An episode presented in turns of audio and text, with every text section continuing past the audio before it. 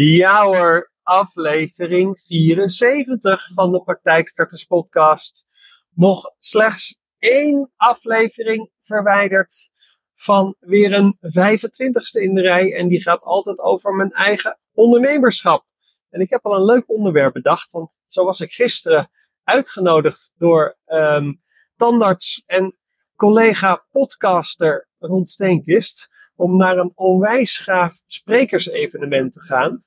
Um, in Leidschendam. Dus daar waren wij uh, met z'n tweeën. Het was echt fantastisch. Echt de beste Nederlandse sprekers die waren daar aanwezig. Er werd een live podcast opgenomen tijdens uh, deze middag. Het duurde van uh, drie tot zes ongeveer.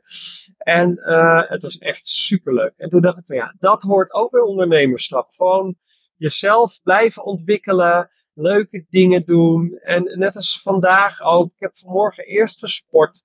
Toen was ik even langs bij de voetbalclub van mijn zoon, want ik wil een shirtje sponsoren. Nou, en nu ben ik onderweg uh, alweer naar Leidschendam. In dit geval uh, naar, uh, naar mijn vriend Reza Farsi. Ik ga even de praktijk werken en vanavond gaan we uit eten. Nou, en daar denk ik, nou, daar moet ik toch iets over gaan vertellen. Dat hoort ook bij ondernemerschap. Maar goed, dat is niet het onderwerp van deze week. Het onderwerp van deze week gaat maar weer eens over het overnemen van een praktijk. En daar heb ik al een keer eerder afleveringen over opgenomen, eh, meerdere zelfs. Ik heb vanmorgen even teruggekeken, in ieder geval aflevering 14 en 32 gaan erover. Dus het kan best zijn dat deze aflevering weer wellicht wat raakvlakken heeft met uh, andere. Maar ja, dat krijg je. Als je op een gegeven moment zoveel podcasts online hebt staan, dan, dan uh, ontkom je er niet aan dat je af en toe in herhaling valt. Maar goed, herhalen, daar leer je vet veel van. En het is niet voor niks dat ik tegen mijn kinderen maar blijf herhalen. In de hoop dat ze wel een keer hun jas ophangen, het licht uitdoen. Of de deur achter hun kont sluiten als ze er doorheen zijn gekomen. Dus zo gaat het een beetje met de podcast. Nee, ik uh, ben benaderd door een mondhygiënist. En die uh, was een praktijk ter overname aangeboden. En nou had hij sowieso niet de behoefte om vanaf nul te starten. Uh, dus uh, deze kwam op zijn pad. Uh, eigenlijk had hij daar wel een beetje mazzel mee. Want ik heb, ik heb ook al eens eerder aangegeven. Kijk, zodra praktijken worden aangeboden door de, um, ja, door de grotere adviesbureaus, zeg maar. Dan gaat er gelijk een soort vermenigings-vervuldigingsfactor bovenop. Waardoor die praktijk ineens heel veel uh, duurder wordt dan dat die eigenlijk waard is. En als ik er dan aan de kant van de koper uh, bij wordt gezet, zeg maar. Want zoals je weet, ik, ik verkoop niks, maar ik help wel bij de aankoop. Uh, dan komen we er meestal niet uit. Want ik zie echt bedragen voorbij komen. Dan zeg ik, nou, dit is zo zonde. Je moet je gewoon misschien wel vijf jaar van werken om terug te verdienen. En dat kan nooit de bedoeling zijn. Maar goed, deze werd dus min of meer onder de radar via een adviseur die dan hij, hij, dan ook weer kende. Het is een hij, deze mondhygiënist. Um, werd deze aangeboden. Nou, super interessant. Hij had mij uh, gevonden via Instagram of LinkedIn, een van de twee. En hij zegt van, joh, ik, ik heb interesse om praktijk over te nemen en misschien kan ik daar wel wat hulp bij gebruiken. Nou, uh, alles goed, kennis gemaakt. Uh, ik zeg, wat heb je al ontvangen? Nou, hij had heel veel stukken ontvangen. Maar eigenlijk wist hij niet zo goed hoe hij er nou precies naar moest kijken. Um, nou, ik heb uh, aanbod gedaan en hij besloot om, om met mij te willen samenwerken. Nou, hoe leuk. En ik met hem, ook belangrijk. Want als we geen match, geen klik hebben, dan houdt het al snel op. Um, dus ik heb contact gezocht met de adviseur van de verkoper. Um, alle stukken opgevraagd. En uh, we hebben een bod gedaan afgelopen week. En dat bod is nu geaccepteerd onder de condities zoals we die ook hadden voorgesteld. En dat is, dat moet ik gelijk even bij zeggen, dat is omdat de prijs die werd gevraagd voor de praktijk enorm redelijk en in verhouding is met hetgeen wat wordt aangeboden. En alleen daarom hebben wij wel uiteraard iets zijn we onder de vraagprijs gaan zitten. Maar we zijn uiteindelijk niet onwijs gezakt. We hoeven niet het onderste uit de kant. Je wil namelijk ook dat iemand met een warme hand de boel aan je overdraagt. En als je uh, iemand financieel uitkleedt, dan weet je zeker dat je op wat voor manier dan ook de rekening op een andere manier toch wel betaalt. Dus hetzelfde als dat je, als, als, als dat je een tv gaat kopen en als je die uiteindelijk tot, tot het bod toe uitonderhandelt naar een eigenlijk te lage prijs voor de winkel, dan nog is het aan de winkel natuurlijk. Als die akkoord gaan, is het ook wel hun eigen fout. Maar ja, dan zeggen ze over van, weet je wat? We helpen je ook verder nergens mee. Hier staat hij. Zoek het lekker uit. En anders hadden ze misschien even meegelopen naar de auto, even tillen, even zeker weten dat hij veilig aankomt. En nou, weet je, beetje een gek voorbeeld misschien, maar ja, zo werkt het vaak wel in het leven. Dus we hadden op basis van de gegevens die we ontvangen, uh, bot gedaan, bot is geaccepteerd en uh, we zijn nu in de afwachting van de, uh, de overeenkomst van praktijkoverdracht, zoals dat zo mooi heet. Maar hij dacht in het begin van, oh ja, dat is allemaal zo gepiept en wat moet ik nou eigenlijk vragen? En ik heb toch de jaarcijfers gekregen en er, zat ook, er zaten ook nog cijfers bij, die waren dan genormaliseerd, heet dat. Dus bij normaliseren houdt eigenlijk in dat ze naar de jaarcijfers kijken van de afgelopen drie jaar. Uh, kijken wat, wat voor kosten zitten daarin die niet op jou van toepassing zijn. Net als afschrijvingskosten, uh, rentekosten. Uh, misschien zit er een auto in, dat soort dingen allemaal. Misschien, een heel raar voorbeeld, maar stel, de, de oude eigenaresse die heeft een abonnement op de Donald Duck en dat zit, bij de praktijk in en jij denkt, joh, ik, ik moet geen Donald Duck in de wachtkamer, dan uh, is, is dat abonnement, dat is niet van jou, dus de kosten van het abonnement, die zijn niet op jou van toepassing. Nou, en dat doen ze dus met normaliseren. Ze pakken eigenlijk de jaarcijfers op. Ze kijken, wat zitten daar voor dingen in die niet van toepassing zijn op een eventuele nieuwe eigenaar. Uh, daar doen ze wel vaak in meenemen nog even een, een arbeidsbeloning, dus een salaris voor een, een, mondhygiënist, want meestal zit dat er ook niet bij in. Maar dat komt omdat het eenmanszaken zijn. En bij een eenmanszaak, ja, je moet natuurlijk wel salaris uit de onderneming halen, want je moet uiteindelijk ook die hypotheek betalen. Uh, maar je, je vindt het niet terug in de jaarcijfers, dat soort dingen. Nou, die moet je dus bij een normalisatie moet dus wel rekening houden. Want het is wel de bedoeling dat jij als uh, toekomstig eigenaar van deze praktijk daar wel gewoon een oké salaris uit kan halen voor jezelf. Want anders heeft het sowieso geen zin om deze praktijk over te nemen. Nou, dus hij had, die had hij gekregen. Uh, jaarcijfers had hij gekregen. Hij had een uitdraaitje gehad uit de patiëntensoftware van de, uh, de hoeveelheid patiënten. En dus ik zeg, joh, is, is het alles? Ja, dit is alles. Ik zeg, daar, daar, daar, daar kunnen we wel iets mee, maar niet voor. Weet je, die normalisatie, die hebben we sowieso nodig. Die is handig om te hebben. Maar wat er miste, is een taxatierapport van de inventaris uh, die in de praktijk aanwezig is. Want daar staat namelijk exact op welke apparatuur er is, hoe oud die apparatuur is, dus het bouwjaar staat erbij. Uh, en uiteindelijk rolt daar een x bedrag uit, wat dan de inventaris waard is. Want een overname is altijd goodwill. En goodwill is niks meer of minder dan gewoon een x bedrag voor het patiëntenbestand. Uh, en inventaris. En inventaris is gewoon aan de hand van de getaxeerde waarde van alles wat in de praktijk aanwezig is en daarachter blijft. Dus het is apparatuur, kasten, voorraad in die kasten, andere dingen die je kan bedenken. Alles wat daarachter blijft, dat moet, dat moet getaxeerd worden en daar rolt een waarde uit. Dus je hebt dan altijd een bedrag, goodwill en inventaris. Dus die hadden we sowieso nog nodig. Een, een, inventarisatie van de inventaris, uh, taxatierapport.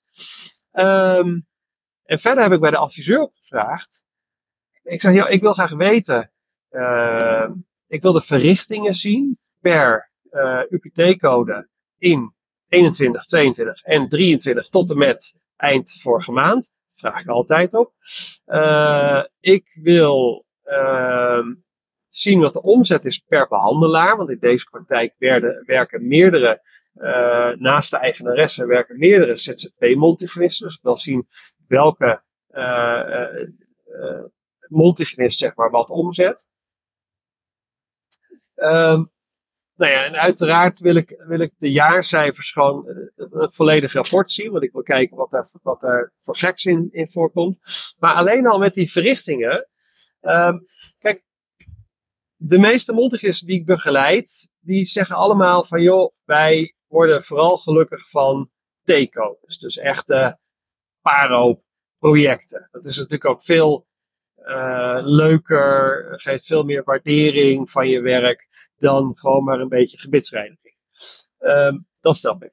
Maar wat je vaak ziet bij praktijken die verkocht worden, uh, dat de oude, uh, vaak eigenaressen, uh, al een beetje gestopt is met hele ingewikkelde dingen. Dus ze doet niet zo heel veel T-codes meer. Uh, soms heb ik heb wel eens meegemaakt dat iemand eigenlijk geen kinderen wilde behandelen. Er was veel te veel gedoe. En dus je ziet al dat die praktijk in de afgelopen jaren al min of meer is afgebouwd. En dat is natuurlijk vet zonde, ook voor de verkopende partij. Want als de verkopende partij drie jaar geleden of vijf jaar geleden had gezegd van joh, ik begin nu alvast met het, met het zoeken naar iemand die praktijk wil overnemen, dan verkoop je je praktijk op de top. En je kan altijd beter op de top verkopen dan nu op de terugweg. Maar goed, weet je, maakt niet uit. Maar we kijken wel naar de verrichtingen om te zien wat voor behandelingen vinden daar nou plaats. En als je ziet dat er alleen maar M-codes in zitten en helemaal geen T, um, nou ja, dan ligt daar natuurlijk een een, een, een enorme potentie, kans om uiteindelijk uh, daar meer met para te gaan doen.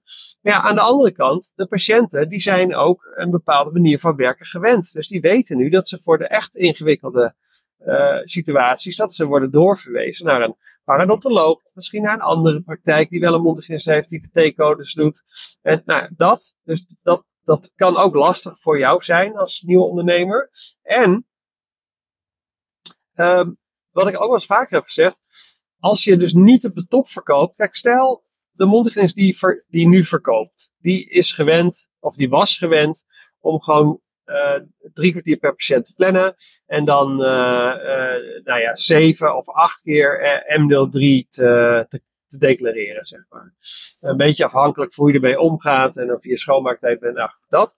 Um, maar wat je vaak ziet als mensen weer gaan afbouwen, is dat, dat die drie kwartier, die wordt vaak een uur. Dus dan trekken ze een uur voor de patiënt uit. Uh, maar dan blijven ze nog wel uh, rekenen. Uh, zeven keer of acht keer ML3. Ja, en dan geef je natuurlijk eigenlijk minimaal 20 minuten, die geef je gewoon weg. Dat is echt doodzonde.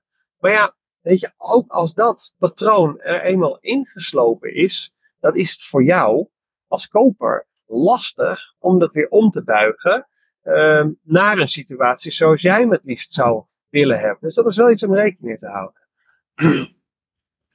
Verder hadden we dus, ik wil ook echt de leeftijdsopbouw van de patiënt altijd weten. En waarom wil ik dat? Nou, wat je vaak ziet bij oudere praktijken, oudere mondhygiënepraktijken, maar ook oudere tandartspraktijken, is dat het patiëntenbestand is meegegroeid met de uh, behandelaar, met de eigenaresse in dit geval. Dus ik heb praktijken meegemaakt waar het patiëntenbestand uh, waar, waar 40% van het patiëntenbestand ouder uh, was dan 70 jaar. Nou, dat zijn ten eerste, nou ja, niet hele, maar dat zijn best oude mensen. Dus de vraag is, ja, moet je dan voor, voor deze groep mensen ook nog steeds de, de, de, de volle bed betalen, zeg maar? Um, en het nadeel daarvan is, deze mensen die komen misschien al 30 jaar lang bij deze praktijk. Maar die komen daar om maar één reden. En die ene reden, dat is de oude eigenaresse die aan jou de praktijk gaat verkopen. Dus wat gaan deze mensen doen op het moment dat jij de praktijk overneemt? Want jij bent haar niet en zij is jou niet. En dat is allemaal prima. Uh, maar die patiënten zijn wel gehecht aan de oude eigenaresse. Dus de kans is zeer aanwezig dat ze uh, de tandartspraktijk waar ze dan nu nog komen, dat die al, al een tijdje aan, het trekken was. Van, ah ja, kom gewoon hier, we hebben ook een mondhygiënist. En waarom blijf je nou daar naartoe gaan? En, uh, en dit en dat. Nou, en dus de kans is aanwezig dat ze nu alsnog daar uh, voor kiezen en naar de tandartspraktijk gaan waar ze nu al zitten. En, en daar dus een mondhygiëne wonen. Ja, heb jij net goed wil betaald voor deze patiënten die je dan vervolgens niet krijgt. Uh, dus dat zijn eigenlijk twee dingen waar je, waar je rekening mee moet houden met het patiëntenbestand. De leeftijd en hoe wordt er behandeld. En past die behandeling bij de manier waarop jij het zou doen? Uh, en als dat maar een klein beetje afwijkt, dan is dat niet zo heel spannend. Uh, want dan kan je het wel uiteindelijk, het duurt wel een tijdje, processen, maar je kan het uiteindelijk wel ombuigen naar de situatie zoals jij het zou willen hebben. Maar ik heb ook wel eens een keer praktijk meegemaakt, die trok een uur en een kwartier per patiënt uit. Ja, nou, zie die maar weer eens uh, terug te buigen naar, naar drie kwartier. Dat wordt een, dat, dat, daar kan je zelf een sprekerscursus voor, voor gaan volgen. Om, om, mensen op die manier daarvan te overtuigen. ik heb nog wel een adresje voor je als je dat wilt. Maar, ehm, dus dat, dat maakt het gewoon heel lastig. Ehm, en verder, oh ja, actieve patiënten. Want je krijgt vaak gewoon een, een, een, een screenshot of wat dan ook. Kijk, kijk, er zijn bepaalde patiëntensoftwareprogramma's die hebben zo'n mooi zo'n zo taartdiagram, zeg maar. En die laten dan precies zien van joh, er zijn in totaal, uh, weet ik veel, 3000 patiënten. Uh, daarvan is, uh, zijn, er, is, zijn er zoveel die zijn er in het afgelopen jaar geweest. Er zijn er zoveel dat die zijn in de afgelopen tussen 1 en 2 jaar geweest. En zoveel zijn twee jaar langer of nog nooit geweest, zeg maar. Um, nou, dat is heel handig, want zo kan je exact zien wie van de patiënten, van die 3000 patiënten, nou actief zijn. En als blijkt dat deze multigenist bijvoorbeeld, um, dat haar patiëntenbestand niet uh, opschoont, op het moment dat iemand zich uitschrijft of iemand lang niet is geweest, dan zou je eigenlijk even moeten vragen van, joh, ik zie dat je al uh, uh, drie kwart jaar niet bent geweest. En, en, normaal kwam je altijd twee keer per jaar. Dus wat is er? nou ja, als je dan te horen krijgt van, joh, ik zit bij een andere partij. Nou, dan moet je dus, dan moet je dus gaan uitschrijven. En um, even deze meneer voorbij, want die, had, die, had, nou, die vond het nodig om, om tussen twee banen in te blijven reizen. Ook heel handig. Maar goed, dus wees een beetje op je hoede daarmee. Um, dat is eigenlijk de boodschap. Wat ik verder opvraag, uh, en soms gaat het misschien wel ver. En weet je, sommige dingen doen we ook pas in een later traject. Hè? We hebben een paar, we hebben nu een bod gedaan, maar bij dat bod doe je altijd, je maakt voorbehoud van financiering. Als je tenminste naar de bank toe moet. Je maakt voorbehoud van eventueel het, het um, uh, ontmoeten van medewerkers van de praktijk, als die er zijn. Als er vaste medewerkers in de praktijk zijn, dan wil je de personeelsdossiers inzien. Want ja, je wil wel weten of iemand, uh, uh, of iemand vaak ziek is of niet. Dat is wel belangrijke informatie. je wil ook weten of iemand niet nog een, een stuw meer heeft staan na vakantiedagen die, als jij dan zo meteen de boel overneemt, oh ja, ik heb nog 30 dagen staan. Nou, ik neem even de, uh, heel januari en de helft van februari vrij om, uh, om, om dat te compenseren. Nou, dat, daar wil je niet mee geconfronteerd worden. Uh, je vraagt op welke contracten er lopen, met welke leveranciers. Hey, je, kijk, nutsvoorzieningen, dus gas, water, licht. Uh, dat moet ieder voor zich afsluiten. Dus dat maakt niet uit wat voor contract het is. Je moet toch een nieuw contract maken. Maar soms lopen er wat oudere onderhoudscontracten. Uh, met, uh, met, met leveranciers. En wellicht kan je die overnemen. Dat kan best wel eens interessant zijn. Dus kijk altijd even naar de contracten. dat geldt trouwens ook voor het huurcontract. Want in, in de situatie die we nu hebben. Uh, hadden we inderdaad het huurcontract ontvangen. Die had ik ook opgevraagd van het pand. Maar ik zag nergens in het huurcontract, dat is trouwens echt een, een hele oude in guldens, zeg maar. Guldens, wat zijn dat? Uh, nou, dat is uh, een munteenheid die we vroeger hadden. Daar ben ik mee opgegroeid. Um, maar er stond nergens in dat contract, want ik lees altijd even door, uh, dat er een zogenaamde in de plaatstelling mogelijk was. En in de plaatsstelling houdt in dat jij iemand kan aandragen die in jouw plaats de huurovereenkomst gaat overnemen. Nou, dat vond ik nergens. Dus we hebben nu als voorbehoud gemaakt. We willen 100% zeker weten dat de verhuurder akkoord is met in de plaatsstelling van een andere partij. En dan ook nog eens tegen dezelfde condities. Want ja, als de huidige eigenaresse bijvoorbeeld, nou ja, zeg 1000 euro per maand aan huur betaalt, dan gaan we het natuurlijk niet accepteren als die 1000 euro zometeen ineens 2000 euro wordt. Dus we willen ook nog eens dezelfde condities. En wat ik ook nog wil zeggen, ja, ik kan hier heel lang over doorgaan, maar ik, ik, ik ga zo wel afronden, anders neem ik wel een nieuwe podcast op. Uh, en uh, de onderhoudshistorie is heel belangrijk. Want hij zei zelf al van, ik heb nog niet getest of de airco het nou daadwerkelijk doet. Ik zeg, nou, dat is op zich wel een dingetje om te weten. Uh, en ik wil zeker weten dat de apparatuur in de praktijk, inclusief de airco en andere apparaten, uh, onderhoud jaarlijks hebben gekregen. En ik heb één keer meegemaakt bij de overname van de tandartspraktijk, dat we die vraag wel hadden gesteld.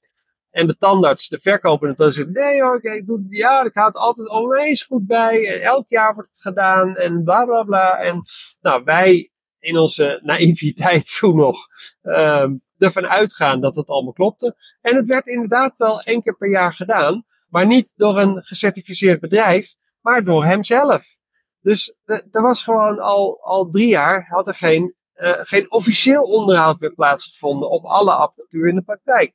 Dus toen zij de praktijk eenmaal had overgenomen, ja, toen moet je dus de, uiteindelijk de leveranciers van al die merken laten komen om het onderhoud uit te voeren. Want ja, weet je, een, net als een, een, een tandartsstoel of een, uh, gewoon een behandelstoel, die heeft, weet je, er moeten, jaarlijks moeten de rubbertjes vervangen worden en safejes en dat moet even gecheckt worden. Nou, weet je, dat kan alleen als je daar wel gewoon een gecertificeerde monteur naar laat kijken. Maar goed, bij die praktijk hadden we dus uiteindelijk een rekening van 3000 euro voor achterstallig onderhoud. En met veel gedoe en zeuren heeft uh, de, de oude praktijkhouder wel twee derde daarvan betaald. Uh, maar ik, ja, ik vond eigenlijk dat hij, dat hij de hele rekening had moeten betalen. Alleen maar omdat hij gewoon niet eerlijk is geweest. Dus ja, tegenwoordig vraag ik heel sip van tevoren op. Ik wil graag bewijs zien dat alle apparatuur in de praktijk uh, korter dan een jaar geleden onderhoud heeft gehad. En bewijs is voor mij in dit geval gewoon een factuur die laat zien dat er iemand is geweest en wat die persoon precies heeft gedaan. Nou, dat zijn dus dingen die je vraagt. Dus wat vraag je op als je een praktijk gaat overnemen? Uh, jaarcijfers, minimaal twee jaar. Je wil de verrichtingen zien. Je wil de, eh, de verrichtingen per UPT-code en de verrichtingen per behandelaar wil je zien. Je wil een screenshot hebben van de actieve patiënten. Niet zozeer het totaal aantal patiënten, maar puur het actieve aantal patiënten. Uh, je wil de onderhoudshistorie zien van de apparatuur. Je wil eventueel personeelsdossiers, maar dat kan allemaal achteraf. Hè. Kijk, wat een eh, verkoper vaak zegt, of een adviseur van de verkoper vaak zegt, dan zegt, joh, er zijn een aantal dingen die, die krijg je vooraf. Hè. Dat is de huurovereenkomst van het pand, uh, de jaarcijfers, de, de genormaliseerde jaarcijfers, uh, de taxatierapport. Van de, soms is er een verkoopmemorandum, die sturen ze ook vooruit. Uh, en als je dan een bod doet, dan moet je even bij je bod vermelden dat er nog een aantal zaken zijn die je ook nog wil inzien. En daar hoort onder andere bij een, een arbeidscontract, een uh, personeelsdossier, een, uh, de detailinformatie over leveranciers en onderhoud en dat soort zaken. Want, maar goed, dat willen ze dan eigenlijk pas laten zien op het moment dat je het, de, het, voorlopig koopcontract of de conceptovereenkomst hebt getekend. Omdat ze dan echt wel zekerheid hebben dat je uh, in ieder geval de intentie hebt om die praktijk te kopen. Dus dat snap ik ook wel, want anders moeten ze alles altijd even doorsturen naar heel veel mensen. En zeker uh, informatie over de medewerkers is natuurlijk super gevoelig. Dat mag je niet, uh, dat mag je niet delen. Uh, nou ja, en dat is eigenlijk de, de, de, belangrijkste lijst van, joh, vraag dit eens op. Ga er dan eens naar kijken. En als je dan het nog niet begrijpt, dan bel je mij om met je mee te kijken. dat is hoe het werkt. Nou, en bij deze praktijk zijn we er dus uit. We hebben een bod gedaan. Bod is geaccepteerd. We wachten nu op de officiële overeenkomst voor praktijkoverdracht. Nou, en dan uh, hebben wij tijd om een uh, ondernemersplan te schrijven. Althans, die schrijf ik. En naar de bank te gaan. En zo gaat het een beetje in zijn werk, zo'n praktijkovername. Nou, dit was het. wil jij dat ik met je meekijk? Ga even naar mijn website www.secondhand.nl. Uh, plan even een kennismakingsgesprek of een gratis sparringsessie in. En dan kunnen we het erover hebben. Uh, heb je andere vragen? Je, je, mag me altijd ook mailen. Gewoon remco.secondent.nl En dan antwoord ik ook nog. Nou, dit was hem voor deze week. En tot de volgende podcast.